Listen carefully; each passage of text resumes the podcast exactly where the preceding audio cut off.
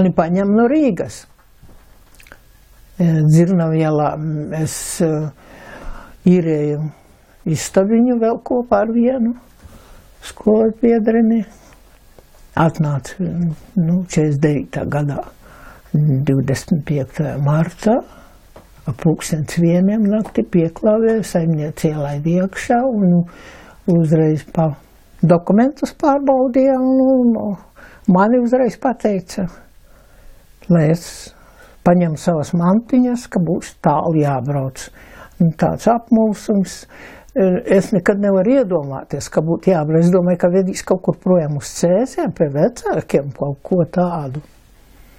Bet nu, tā viss nebija. Nonāca lejā mašīna neliela gaidījā. Un pabraucam gabaliņu, uzreiz piestāja pie vienas uh, arotskolas, tur paņem vienu jaunu puisi, kādu 15 gadīgu. Un vēl pie vienas skolas, ne, nezinu, kas tā bija, bet tā bija turpat uz dzirnavielas. Un, un mūsus trīs, tā ir mazā mašīnīte veda. Un tā vešana notika, jūs iedomājaties, tā vešana notika, kad mēs galā tikam ropēžos vai ne pie vagoniem kaut kur pusdienlaiku. Tik daudz bija, es tik nevarēju saprast, kāpēc mēs tik lēni braucam. Bet Rīga bija pilna ar tām mašīnām, cita pie citas. Lēnītēm braucam, lēnītēm. Un tad tik es sapratu, ko tas nozīmē. Tas nozīmē, ka mūsu daudz un pārāk daudz. Un tad jau, kad tikamies pie vagoniem, tad tur jau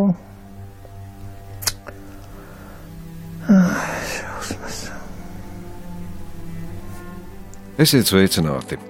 Šo stundu iesākām ar Martas Loginas liecību, atmiņu stāsta fragmentu par notikumiem 1949. gada 25. martā. Stāstu tūkstoši no katra no tiem cilvēku dzīves, kas tika izpostītas. Šodien pieminām izsūtītos no Latvijas un caur viņu pieredzēto raugāmies arī uz sevi, savu dzīvi un notikumiem, kas risinās mums blakus Ukrainā.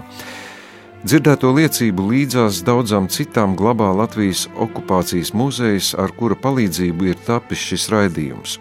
Mans vārds ir Zikfrīds Muktapāvels, un šodien es aicinu doties man līdzi uz okupācijas muzeju, lai tiktos ar tā darbiniekiem, lūkotu liecības par izsūtītajiem, saskatīt saistību ar karu Ukrainā un gūt spēku un pārliecību visa labā un gaišā uzvarai par farmācību un tumsu. Tieši tā ir veidot okupācijas muzeja ekspozīcija. To parādīt mums ir gatava muzeja direktore Solvita Vība. Sākam mūsu Latvijas okupācijas muzeja stāstu par trīs okupāciju laikiem, trīs okupāciju periodiem ar uh, Latvijas uh, uh, neatkarības laiku, 1918. un 1940. Un šī vieta ir gaiša, brīva. Te ir mūsu satversme, un te ir mūsu cilvēki. Tās ir tās ģimenes, par kurām pēc tam mēs savā stāstā stāstām, kādi ir bijuši viņu likteņi. Un faktiski katrā tēmā kādas ģimenes stāsts beidzas. Beidzas deportācijās, beidzas baigā gadā, beidzas trimdā. Represijās, karos. Līdz ar to nu, šeit mēs gribam parādīt to, ka faktiski uh, Mums katram šeit ir tas sākums, mūsu ģimenei, mūsu dzimtai, mums visiem, jo mēs arī šeit sevi redzam spoguļos. Un tas ir tas, nu, kur mēs saprotam, ka nu, mēs piedaram šim Latvijas stāstam, šī ir tā pirmā tēma, ar kuru mēs sākam ar gaišu, ar vērtībām, ar mūsu brīvību. Un arī pirmajā tēmā mums ir stāsts par lācēnu Miku, kas mūsu muzejā ir tāds nu, mēģinājums uzrunāt ģimenes ar bērniem, bērnus, izstāstīt 20. gadsimta sarežģīto vēsturi bērniem. Un mums likās, ka tas ir svarīgi, jo bērni bija klātesoši visos notikumos. Bērni bija šajos deportāciju vagonos. Bērni redzēja, kā mirst viņu vecāki, brālīši, māsiņas, un mums bija svarīgi to stāstu izstāstīt. Un šī Mika līnija nu, ir tāds mūsu mēģinājums uzrunāt bērnus. Un patiesībā tas galvenais, kas mūs uz šo iedvesmoja, bija Sandrs Kalnietis, mūsu Eiroparlamenta deputātes Lācēns Jānis, kuru viņa mums, mūsu krājumam, uzdāvināja. Lai mēs par viņas lācēnu rūpētos, viņai lācēnu, tad, kad viņa bija maza, Radi atsūtīja no Latvijas 6000 km. Lācēns Jānis brauca no Latvijas uz Sibīriju. Tad, kad Sandra brauca atpakaļ viņas ģimene 1957. gadā, tad otrs 6000 km Lācēns brauca atpakaļ. Un īstais lācēns arī redzams ekspozīcijā, gulaga tēmā, jā, pie, pie nometinājumiem. Un, um, um, mums ir nu, tā, vismaz man personīgi ir ļoti liels saviņojums tad, kad mēs um, mūsu viesu grāmatās vai tad, kad mēs runājam ar apmeklētājiem, redzam, ko bērni raksta. Jo bērni, manuprāt, ir nu, ļoti patiesi. Es pat esmu izrakstījusi, lai varu nolasīt. Arthurs um, Poriņš, astoņi gadi raksta. Paldies par ceļojumu vēsturē. Miks ir manējais draugs. Rojas, astoņi gadi. Es daudz uzzināju, paldies! Ieteiktu atnākt atkal, vēl desmit reizes. Paula raksta, prieks, ka atkal Mikls ir laimīgs, un Mikls ir laimīgs pēdējā stāstā, kur mēs esam atguvuši neatkarību. Un Šarlote Kapiniece raksta, Latvija ir viskaistākā valsts pasaulē. Un tie patiešām ir mazi bērni. Ja? Tie nav tādi, kuri varētu nu, kaut ko izdomāt, nu, kā labāk izteikties. Kā, nu, tas patiešām, patiešām ir ļoti, nu, mūsuprāt, mums svarīgi un labi. Un, Un otra lieta, mums kopš atvēršanas 47,000 apmeklētāju. Un tie ir ļoti, ļoti dažādi cilvēki. Ieraksti mūsu viesu grāmatās nu, faktiski ir visas pasaules valodās. Un tā skaitā arī krievu valodā. Un, protams, pēdējā gada laikā nu, ir tāds īpašs akcents uz mūsu stāstu. Un mēs esam ieraudzījuši to, ka cilvēki saprot, ka mēs nerunājam par vēsturi un tikai par vēsturi. Un tas laikam ir tas svarīgākais, jo mēs sakam, ka nu, tā demokrātijas, brīvības, mūsu neatkarības sargāšana ir ikdienas darbs. Tas ir tas svarīgākais. Un katrā uh, otrā, trešā lapspusē ir ieraksts. Dievs svētī Latviju, uh, sargāsim mūsu valsti, palīdzēsim Ukraiņai. Tas tā, nu, um, mums liekas arī nozīmīgi, ka cilvēki atnāk un liekas tāds nu, ļoti smags stāsts un grūts, bet cilvēki saka, ka iedvesmojoši un patiešām, kad nevis iznākam ārā tādi sagrūmuši, saskumuši un sarāvušies sevi, bet tieši otrādi. Mēs no ekspozīcijas vēlamies, lai cilvēki atnāk un iznāk drosmīgāki un, un, un varošāki un gudrāki. Ar šādu gaišu skatu Solvita Vība sāk okupācijas muzeja ekspozīcijas apskati, bet, kā dzirdējāt, viņa arī piemin mūsdienu aktualitāti Ukrainu. Uz brīdi pārtraucot muzeja apskati, izmantoju iespēju izvaicāt Latvijas okupācijas muzeja biedrības priekšsēdi Dzintru Bunks, un viņai vaicāja, kā karš Ukrainā ietekmē ikdienas dzīvi muzejā. Mēs priecājamies, ka pie mums atnāk Ukraiņas bēgļi. Tie mums nāk, tie mūs regulāri apciemo. Mums arī ir darbinieki, ukrāņi. Mums ir arī viena gide, Viktorija, kas strādā stūrmājā, bet arī šeit, un viņa, piemēram, vada ukrāņus tad. Un tas, es domāju, tas ir ļoti labi saprotams arī tiem ukrāņiem, kas ir pie mums, ka viņi redz, ka tas, kas ar viņiem notiek, tas jau vēsturē ir savā veidā un savā formā noticis. Tas nav nekas jauns. Viena liela vāra, kas grib uzkundzēties uz saviem kaimiņiem, tāpat liela vāra turpina. Turpina savus neģēlīgās ieceres īstenot. Visā Eiropā, bet arī tieši pie mums un jaunā paudze tīpaši sāk saprast, ko tas nozīmē, kas ir okupācija īstajā dzīvē, ko piedzīvoja mūsu vecvecāki, mūsu vecāki kā bērni, ko tas nozīmē. Un es domāju, tas jau vien pierādīja, es atminos to akciju, kas bija, kur bija muziķi sapulcējušies kongresa nama laukumā. Un ziedojuma akciju sarīkoja. Briesmīgā laikā, bet tur taču saziedoja tik daudz naudas, tas nozīmē, ka mēs esam atvērti, ka mēs saprotam. Tad, kad mēs gribam saprast, mēs saprotam un mēs darām. Jo to pašu es varu teikt arī no biedrības, Latvijas okupācijas muzeja biedrības biedriem. Viņi piedalās un atbalsta Ukraiņu centienus atgūt savu zemi un savu brīvību, savu noteikšanu pār savu zemi. To mēs darām individuāli, mēs darām caur dažādām organizācijām, caur muzeju, piemēram, caur draugu. Mēs lejam sveces, mēs sūtām sēgas Mēs paši organizējām tos sūtījumus. Nu, es, piemēram, nu, es katru mēnesi sūtu naudu Ukraiņas armijai. To es daru kā indivīds. Bet es domāju, ka te, te ir daudz cilvēku, kas to dara, un tas man dara arī cerīgi par Latvijas nākotni. Ka mēs tomēr nepaliksim stāvot malā. Mēs arī cīnīsimies.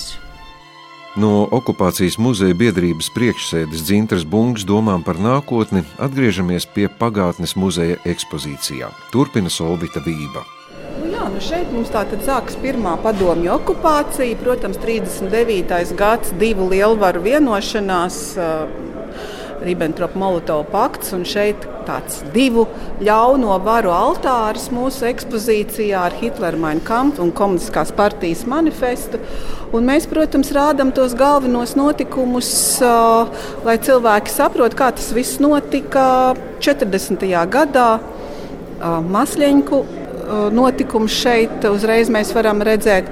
Mūsuprāt, ļoti interesants priekšmets, dokuments, tā saucamā pēdējā brīvības bilde, pēdējā brīvības diena, 1940. gada 16. jūnijas. Otīlija Dūma ar meitu Māru pie brīvības pieminekļa parasta diena iet meita, meitiņa ar māmu. Nekas neliecina par to, ko mēs redzam uh, nākošajā stendā 1940. gada 17. jūnijas. Tajā pašā vietā iebrauc sarkanā armija, tanki. Un Latvija zaudē, zaudē savu brīvību, un cilvēki stāv ielās, ir šokēti un sākas nu, teiksim, okupācijas režīma tā, nu, īstenošana. Protams, ierodas tie spēki, kas šo režīmu īstenoja. Ja, un, um, tautā slepenais dienests, pazīstams pēc akronīma čeka, jā, sāk savu darbību. Bet mums atkal ir svarīgi parādīt, ka jau pirmajā gadā tauta pretojās, un šajā sadaļā jūs uzreiz redzat, kā veidojās pretošanās grupas, tiek izgatavotas skrejlapas. Patiesībā tie bija jauni cilvēki, pat skolēni. Šeit mēs redzam Rīgas otrās valsts gimnāzijas pretošanās organizācijas deksmes dalībnieku 41. gadā.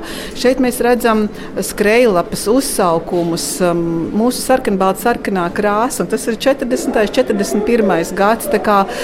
Mēs uzreiz sakām, ka cilvēki pretojās, un nebija tā, kā mums varbūt arī Krievijas propaganda grib pateikt, ka mūsu nu, teiksim, lielais vairums cilvēku gaidīja padomju varu, pieņēma, nesa ziedus. Tie ir meli un tā ir propaganda, un mēs to arī gribam un rādām.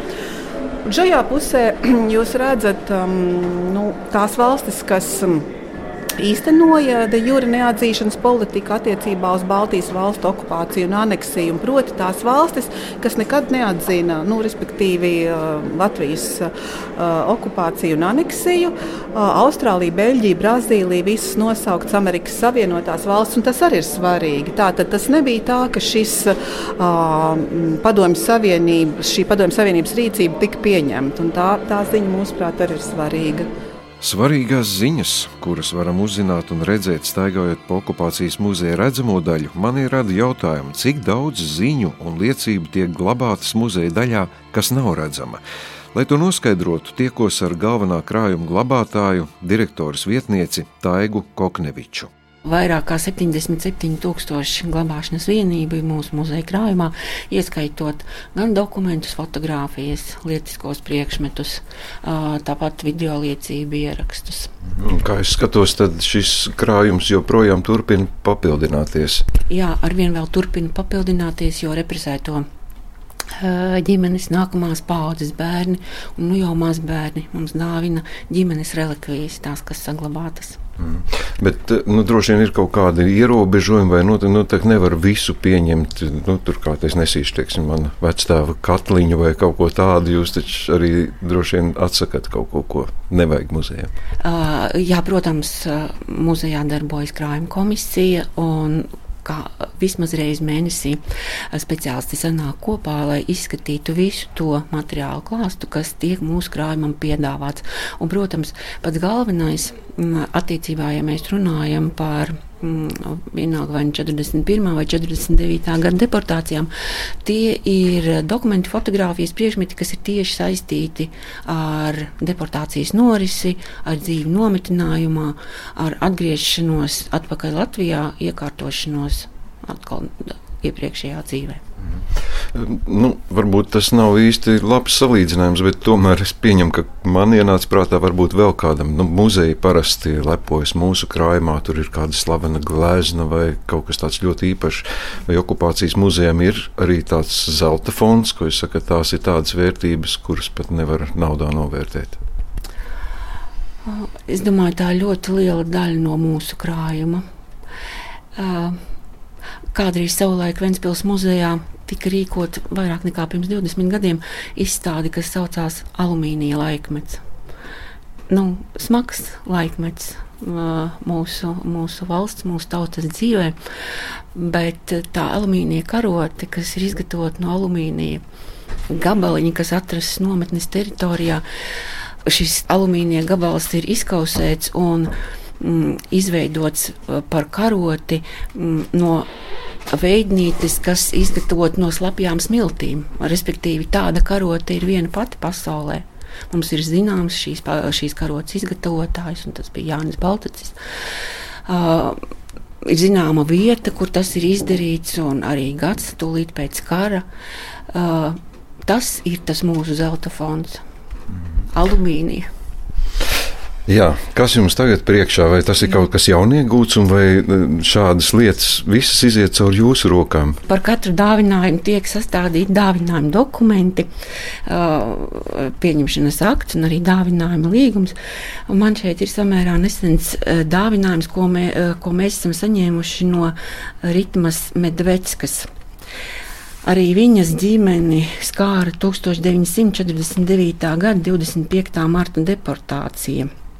Viņas tēvs Kārlis Leņķis tika aizvests no Madonas apriņķa Kalsnavas pagasta uz Amūras apgabalu.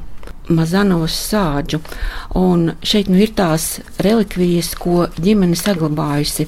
Dažas fotogrāfijas, bet visvairāk materiālu attiecas tieši uz to priecīgāko brīdi, uz atgriešanos ģimene ir saglabājusi visas biļetes, kas dzelzceļa biļetes, ar kurām atgriezās atpakaļ Latvijā no nometnām vietas Amūras apgabalā caur Maskavu līdz pat Rīgai.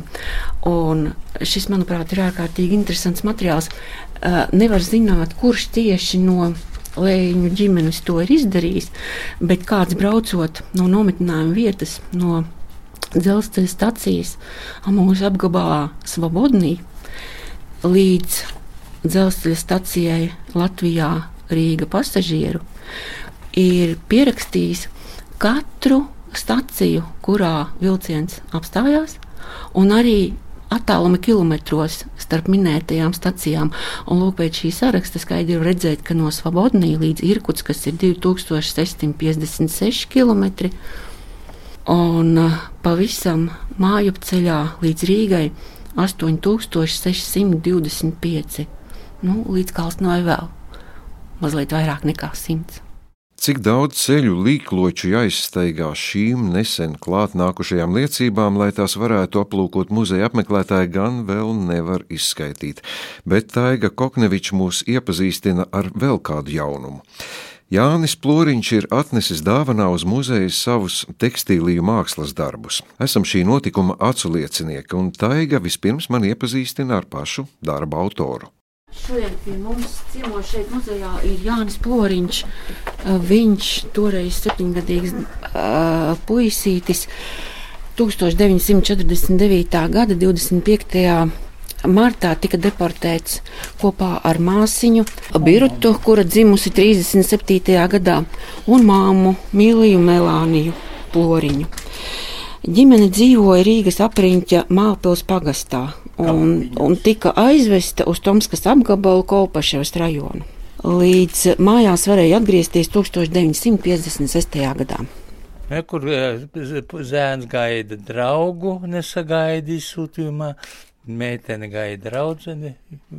Tas ir Mālpils ceļš uz skolu. Man bija jāiet pirmā klasītē, un tā es netiku. Tā ir Mālpils vecā skola, ja, kas jā, ir augšā. Jā, vecā skola. Un tad, kas ir tas ir vagona, vagona arī interesanti.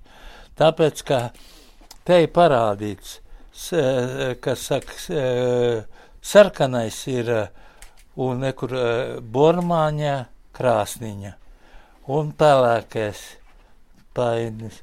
Tā, tas ir ogles un tas dzeramais ūdens. Un rekurēs ar māsu pie loga. Mamīte guļ mana un es pie loga visu skatījāmies. Sākumā mēs e, gulējām, div, divas lāvas bija, un uz lāvām. Jānis Ploriņš vēl krietnu laiku rāda gan savus veidotos darbus, gan fotografijas, gan izsūtīto bērnu sarakstus, kurus viņš ir sastādījis, un viņa stāstītais droši vien ir kādas atsevišķas sarunas vērts, uz ko es ceru nākotnē.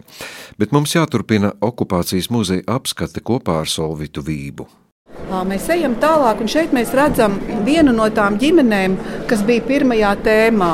Tā ir Leitnanta Friedricha Feldmaņa ģimene. Mēs redzējām šo fotografiju, kur viņš ar sievu Annu, dēlu Andreju un viņa krustvecākiem bija dēla kristībās 39. gadā. Laimīga ģimene, jauks bērniņš kristība tērpā. Un šeit, šajā sadaļā, noslēdzās Friedricha Feldmaņa dzīve 1941. gads. Tās ir represijas pret Latvijas armijas virsniekiem. Un tā tad 1941. gada 14. jūnijā aptuveni 430 virsniekus izsauca uz nodarbībām Litenes poligonā. Un, uh, tur viņus arestē un deportē. Un aresta laikā Friedrichs Felmanis uh, pretojās uh, sarkanās armijas uh, karavīriem un uh, nošāva sarkanās armijas uh, majoru un viņu tanī pašā brīdī vienkārši ar kājām nospārdīja un viņš gāja bojā. Šeit beidzās vienas ģimenes stāsts. Šeit mēs esam deportācijas sadaļā. Tātad mēs stāstām par 41. gada 14. jūniju, 49. gada 25. mārtu un, protams, arī deportācijas, kā zināms, bija arī vēlāk, līdz 53. gadam. Mēs rādām skaitļus, cilvēkus, bet nu, tā ir tikai tabula, protams, kur mēs redzam, cik vīrieši, cik sievietes, cik bērni līdz 16 gadiem tika deportēti, kādas bija tautības. Tātad tie nebija tikai latvieši, arī ebreji, krievi, vācieši, poļi, baltkrievi. Bet, Nu, lielākais jau ir tas, ka um, šeit stāvot pie šiem skaitļiem, laikam katram ir jādomā, ka katrs viens varēja būt arī es vai mana ģimene. Un, un faktiski caur to lielo cilvēku traģēdiju nu, būtu jāsajūt tā nozīme, cik katram cilvēkam ir liela vērtība. Un vērtība gan dzīvībai, gan arī tam, ko katrs cilvēks var darīt, lai šādus ļaunumus un šādus noziegumus novērstu. Un šeit mēs redzam ļoti interesantu priekšmetu kolekciju. Mums ir, protams, ļoti, ļoti daudz krājumā priekšmetu no tām lietām, kas cilvēkiem bija līdzi, no tām lietām, kas bija Sibīrijā. Un ir arī bērnu zīmējumi, Un šī ir Benits Plezeres zīmējuma, ko viņa zīmēja gan braucot, gan esot um, nometinājumā. Zīmējumi ir bērna radīti, tie patiesībā ir skaisti. Tā ir bērna bērnība, tāda tā bija Sibīrijā.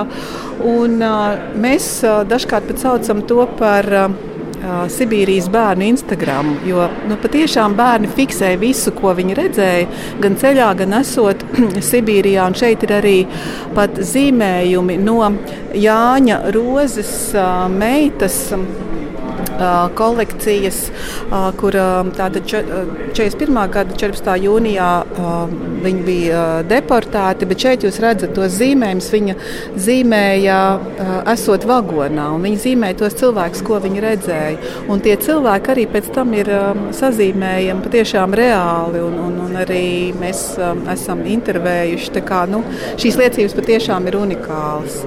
Šeit ir divas karotes no vienas mājsaimniecības. Viena karote palika Latvijā, viena devās uz Sibīriju un tika izmantota kā instruments, kā rīks visam kam, jo cita jau nekā nebija. Tā bija tā karotīte, ar ko varēja darīt visu. Un tad šī karote atgriezās Latvijā, nonāca atpakaļ vienā mājsaimniecībā, un tagad tā ir mūsu kolekcijā. Un mēs redzam, kādas ir šīs divas karotītes, kur viena ir bijusi nu, teikšu, tā, laimīgu karotes dzīvi Latvijā, ja tā var teikt, un otra ir bijusi izgājusi Sibīrijas ceļu, nodilusi plāna, bet dzīva. Un šobrīd nu, jā, tās ir tādas mūsu, mūsu dārgumi. No priekšmetiskiem dārgumiem atgriezīsimies pie dārgumiem, ko okupācijas muzejs glabā skaņu un video formā. Man ir iespēja izvaicāt muzeja audio-vizuālo materiālu krātuves vadītāju Evitu Feldentāli, cik un kādi materiāli ir viņas pārziņā. Audiovizuālo materiālu krātuves pārziņā šobrīd ir 2452 video liecības, jeb video formātā ierakstītas represēto cilvēku atmiņas, jeb dzīves stāsti, un kopumā no šīm 2000 452 video liecībām ir aptuveni tūkstots tādas, kuras uh, ir tieši uh, deportēto cilvēku sniegtas, un no tām tieši 680 ir 49. gadā deportētie.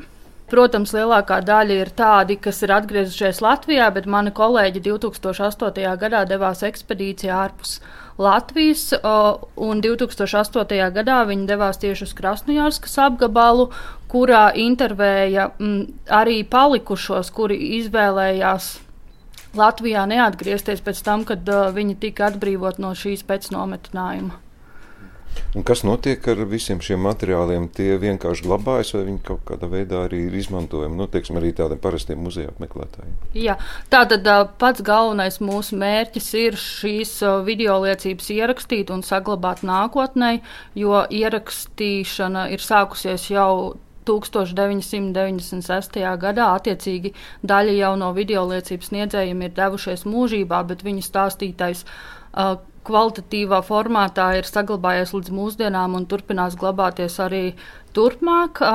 Video liecības izmanto dažādos nolūkos. Pie mums nāk dažādi novatpētnieki, radinieki, vēsturnieki, ne tikai no Latvijas, bet arī no ārvalstīm. Arī mēs paši, sagatavojot jauno ekspozīciju, esam izmantojuši video liecību fragmentus. Tāpat 2009. un 2011. gadā Uz video liecību pamata tika izveidotas trīs dokumentālās filmas tieši par 49. gada 25. marta deportāciju.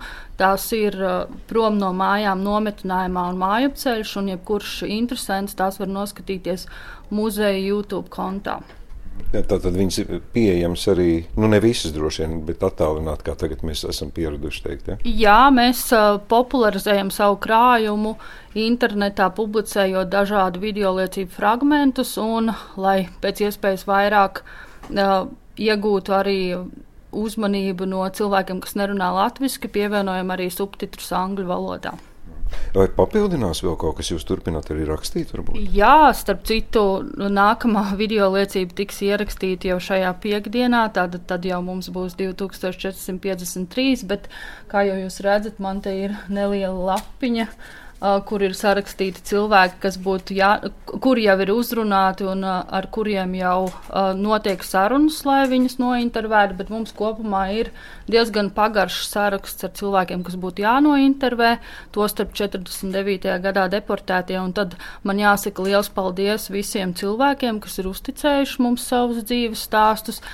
Ja, mm, ņemam vērā to, ka pēdējie pāris gadi ir aizra, aizritējuši uh, ieviest to ierobežojumu ēnā, tad desmit no pēdējā trīs gadu laikā video liecību sniegušajiem ir tieši 49. gadā deportēti, un tāpēc muzeja vārdā vēlos teikt viņam lielu paldies. Bet, ja kāds no klausītājiem uh, klausās un jūt, ka arī vēlas izstāstīt savu dzīves stāstu muzeja speciālistiem, tad aicinu viņus sazināties ar muzeju. Tie bija visi sveši cilvēki, bruņoti, tēvs pieminēja vienu, ka it kā tālienē kaut kur dzīvo, ja it kā redzējis viņu. Bet es viņu neesmu redzējis, nebiju redzējis. Viņš tikai tādu mm, versiju izteica, ka ot, tas ir tas. Bet tā kā pie mums bija visi sveši. Viņi bija kādi bija militārā formā, jeb nebija, ja visi bija civilajā. Cik es atceros, tad visi bija civilajā. Tā, nu tad stāstiet, cik te, cik te jūs tagad jūs ratos iesēdināt, cik te jūs cilvēki no šīs mājas te tikties? Mūsu iesēdināja Ragavās. Ā, vēl, vēl sniegsim matām? Jā, jā. Ā, Vidzem te pareizi, es varu pieredzi pa kurzem. Tātad no šīm te mājām izsūtīja manu tēvu Kārli Bērziņu, mammu Zelmu Bērziņu, mani. Mēs bijām šeit visi trīs uz vietas dzīvojām. Izsūtīja abas māsas, Ainu Bērziņu, Veltu Bērziņu, kuras mācījās Cēsu skolotāju institūtā, atradās uz to mirkli cēsīs, paņēma no cēsim un izsūtīja. Tad vēl izsūtīja tēvu brāli no mājas otras puses, saimnieku Bērziņu Jāni, viņas, viņas sievu Alvīnu Bērziņu un meitu Austru Bērziņu.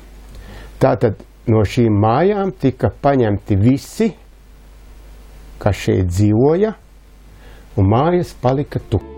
Dzirdējāt fragment no Arthūra Bērziņa atmiņām par izsūtīšanu. Arī šīs atmiņas tiek glabātas Latvijas okupācijas muzeja audiovizuālajā krātuvē, par kuru stāstīja tās vadītāja Evita Feldentāle. Bet vēl kāds jaunums, par kuru tūdaļ uzzināsiet, un kuru ik viens no mums varam aplūkot neizejot no mājām. Šodien, pieminot 1949. gada 25. martā deportētos Latvijas cilvēkus, daudzo pasākumu starpā varam iepazīt Jāņa sēdes izstrādāto karti ar deportētajiem iedzīvotājiem. Un, lai uzzinātu vairāk par šo, tiekos ar digitālās kartes veidotāju Jāni Turlo. Vai tiešām līdz šim nebija šādas kartes, vai tās bija papīra formātā tikai? Nu, bija pārskatu kartes. Mēs paši izdevām vēstures Atlantu 90. gados, Latvijas vēstures Atlantu, un tad tur bija gan par to laiku kartes, ka Krievija ienāca okupācija 40. gadu. Uh, bija gulaga karte, arī tagad nesen mēs viņu nu, papildinājām un salabojām kopā ar Dainu Blējeru konsultējoties.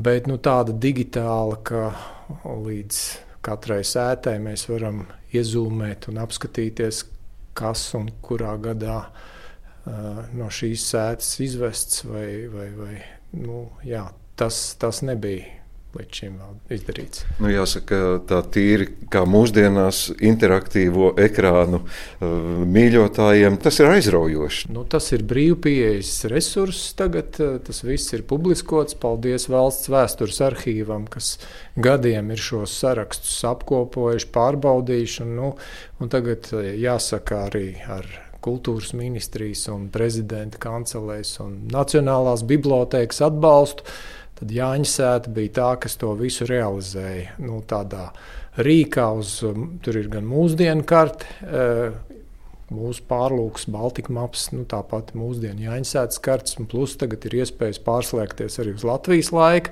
arī uz Krievu laika topogrāfiskajām kartēm padomju. Ja? Tā kā tur ir nu, ļoti plašas tās iespējas, un arī tā pieeja, jā, kā, kā jau jūs teicāt, statistiskā analīze, ja, ka mēs varam uh, pirmajā skatā redzēt pa mūsdienu novadiem, cik no kura novada visās deportācijās, tajās, nu, kas ir bijušas lielākās kopā, izvesti ir, un tad tās uh, diagrammas uh, nu, sadalās uh, jau, jau zulmējot pagastos, apkaimēs, ciemos, līdz pat katrai mājai, beigās līdz adresei. Un tad, kad ir adreses pietuvinājums, tad mēs redzam jau uzvārdus, vārdus, vecumu, jā, un kurā gadā. Un to var skatīties gan atsevišķi par 49. gadu, gan 41. Nu, un tad vēl ir tās tā nu, saucamās pārējās deportācijas, citas, kas ir no 45. līdz 53. gadam.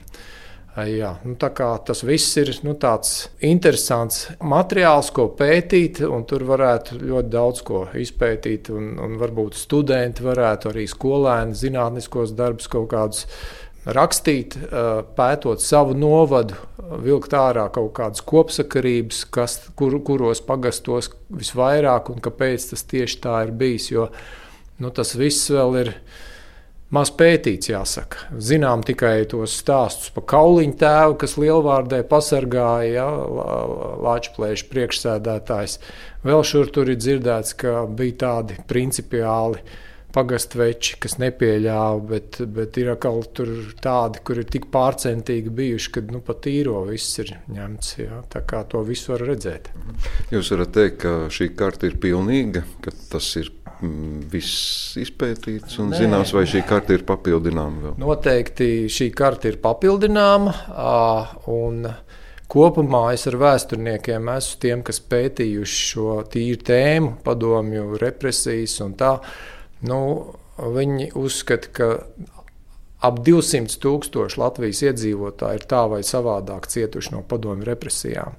Un, nu, šajā kartē šobrīd mēs esam ielikuši nu, nepilnīgi 60 tūkstoši. Tātad potenciāls ir vēl 140 tūkstoši. Es nezinu, vai kādreiz to izdosies realizēt, jo šeit ir ielikta tā daļa, kas ir izpētīta. Jā. Tagad, nu, piemēram, es domāju, ne mazākā mērā būtu pelnījuši arī tie 8000, kas ir vairāk kā 8000, kas no 56. līdz padomju režīmu beigām ir represēti par pretpadomi darbību. Ja.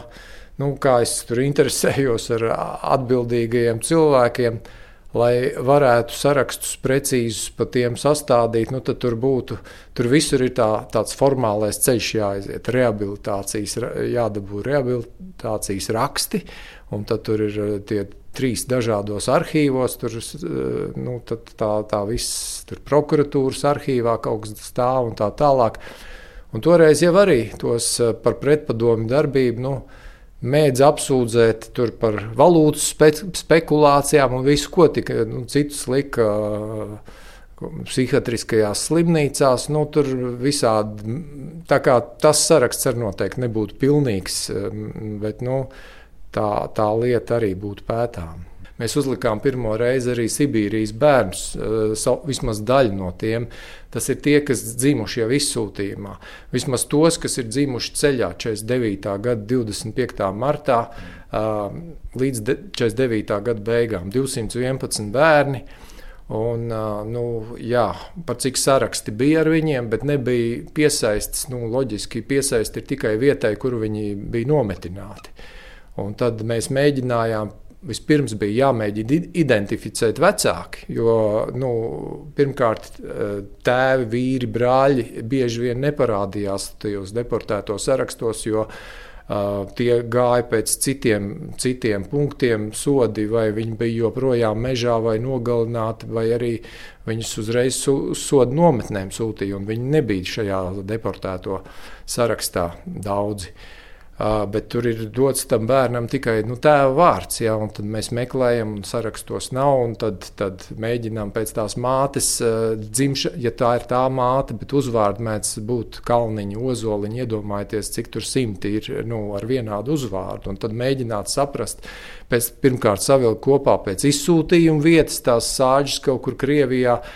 Un, nu, vairumā gadījumu jau viņi tomēr pie mātēm bija. Bet bija, kur atšķīrās arī uzvārdi. Tad, tad nu, tā jāzīmē, kur tieši no kurienes, jo mēs sūtījām, nu, viņi ir mēģināti kartē piesiet pie vecāku dzīves vietas bijušās, kur droši vien tie bērni nekad arī neatgriezās, bet nu, vismaz tā ir vieta, kas, kas viņus nu, piesaista Latvijai. Jā. Jānis Turlais stāstīja par karti, kuru varat atvērt savos datoros. Ierakstiet meklētājā deportētie.kartes.lv, un vismaz mana pieredze ir tāda, ka paies krietnes laika sprīdis, līdz piespiedīsiet sevi atrauties no tās. Bet mūsu raidījuma karte aicina atgriezties Latvijas okupācijas muzejā, lai noslēgtu tā apskati. Nu, šeit ir Lācis Mikls, īstais Lācis Jānis, kuru mēs ar rokas pieskārienu varam sasildīt un ieraudzīt. Tas ir Sandras Kalnietes dāvinātais lācēns, kas nu, dzīvo mūsu muzejā. Tagad. Mēs par to saucam par mūsu tautas dārgumiem, jo, ja mēs tā novērtējam un skatāmies, mēs esam Nu, simboliski mēs esam gulagā visšausmīgajā vietā, ko var vispār cilvēku prāts iedomāties, kur cilvēki bija ja, izmitināti, ieslodzīti. Un, nu, mums liekas, ka galvenais bija šis izdzīvošanas jautājums, ko tu ēdīsi, vai tu nenosalsi, vai izdzīvos tavi bērni, vai tu pats izdzīvosi. Un tagad mēs ieraugam šos priekšmetus. Katru no tiem mēs varam novērtēt kā mākslas objektu, mākslas lietu. Tajā ir ieguldīts gan liels darbs, gan, gan nu, tāda liela gaume, un, protams, arī ļoti, ļoti patriotiski ar šiem nacionālajiem simboliem, krāsām, zīmēm. Šeit ir ļoti daudz baltie izšuvumi. Un šie izšuvumi ir darināti piemēram uz marles, kas tika mazgāta, kas tika noņemta no brūcēm kaut kur, kas tika uz, uzsietas kādās nu, slimnīcās. Šeit ir Elvīras balodas ieslodzījuma laika rokdarbi. Ja? Šeit, nu, tā tad Latvijas armijas ģenerāļa sievas. Šeit ir viens no ievērojamākajiem mūsu priekšmetiem. Tas ir mēmās klavieres, ko nezināms meistars izgatavoja latviešu komponistam Jānim Līcītim 50. gados. Klavieres neskan, bet klavieres var izlikt un var vingrināt rokas, var vingrināt pirkstus. Tātad nu, cilvēki šajos ļoti šausmīgajos apstākļos nu, izdzīvoja un saglabāja cilvēcību, saglabāja tādu ļoti lielu garīgumu. Un šeit arī ir kabats lakatiņš. Mērijas Staklas kabats lakatiņš, kas ir mūsu memoriāla, nu, teiksim, priekšmets, simbols. Tātad Mērijas Takle 1950. gadā tika jau ieslodzīta viņas status no nometinātās personas tika pārkvalificēts uz ieslodzīto, jo viņa bija stāstījusi par labajiem buržāzijas laikiem, par to viņa tika sodīta. Tajā brīdī visas nu, tās sievietes, kas tur bija ieslodzītas, viņas līdzcilvēki parakstījās uz šī auduma gabala, un vēlāk mērīja šo audumu, šo te, šos te parakstus izšuva ar tiem diedziņiem, ko viņi varēja dabūt nu, no dažādām drēbītēm, kas nu nebija nekādas Un šeit ir ļoti, ļoti daudz dažādu tautību uzvārdu. Cilvēki prasa, kāpēc tur nav tikai latvieši. Nu, tā atbilde ir vienkārša. Tāpēc, kad, uh, okupācijas režīms vai PSRS um, šis represīvais režīms jau nesaudzēja nevienu. Šeit ir ļoti, ļoti dažādi uzvārdi. Mums bija liels diskusijas, kā mēs savu stāstu noslēgsim, ar kādu vēstījumu. Un divus gadus atpakaļ, trīs gadus atpakaļ, faktiski mēs izšķīrāmies par Knutas Kujnieka vārdiem. Viņam vēl dzīvam esot, un viņa vārdi ir sekojoši. Neraudāt par to, kas bijis, nebīties par to, kas rīt, tikai saudzīgi un droši savu vagu taisnu dzīt. Un mums likās tas uh, ļoti, ļoti atbilstoši tam mūsu stāstam, ka jā, mēs uh, pieminam, atceramies uh, visus cilvēkus, kas ir gājuši bojā, kas ir cietuši, bet mūsuprāt, svarīgi ir būt tik stipriem, lai savu brīvību nu, nekad nezaudētu, lai, lai mēs to savu vagu varētu dzīt. Šeit miks, un miks atkal ir laimīgs. Un tas ir arī tas, ko bērni redz un priecājās. nu, Mika pasaka šeit muzejā ir noslēgusies labi. Un, um, pēdējais vēstījums uh, pie Knuta skujnieka vārdiem tieši neraudāt par to, kas bijis, nebīties par to, kas rīt, ir ar uh, vēstījumu un ar aicinājumu visiem mums nest Latvijas karogu. Šeit ir multimēdijas, Latvijas karoks, kuru mēs katrs simboliski varam aiznest līdz ekspozīcijas beigām. Un, um, Mūsu apmeklētājiem tas ļoti patīk. Cilvēki iet vairākas reizes, nes to karogu un pārdzīvo to, ka nu, tā, tas, ir, tas ir tā mana atbildība. Un es arī, es arī to karogu nesu.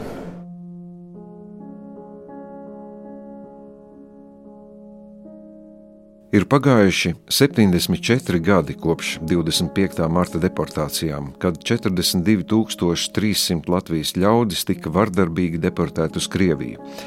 Šodien mēs viņus pieminām īpaši, bet pieminēt varam viņus jebkurā dienā apmeklējot Latvijas okupācijas muzeju, kurš, kā saklausījāt, tā direktors teiktajā mums dos spēku un cerību tam, ka šāda mūsu vēstures lapuse neatkārtosies.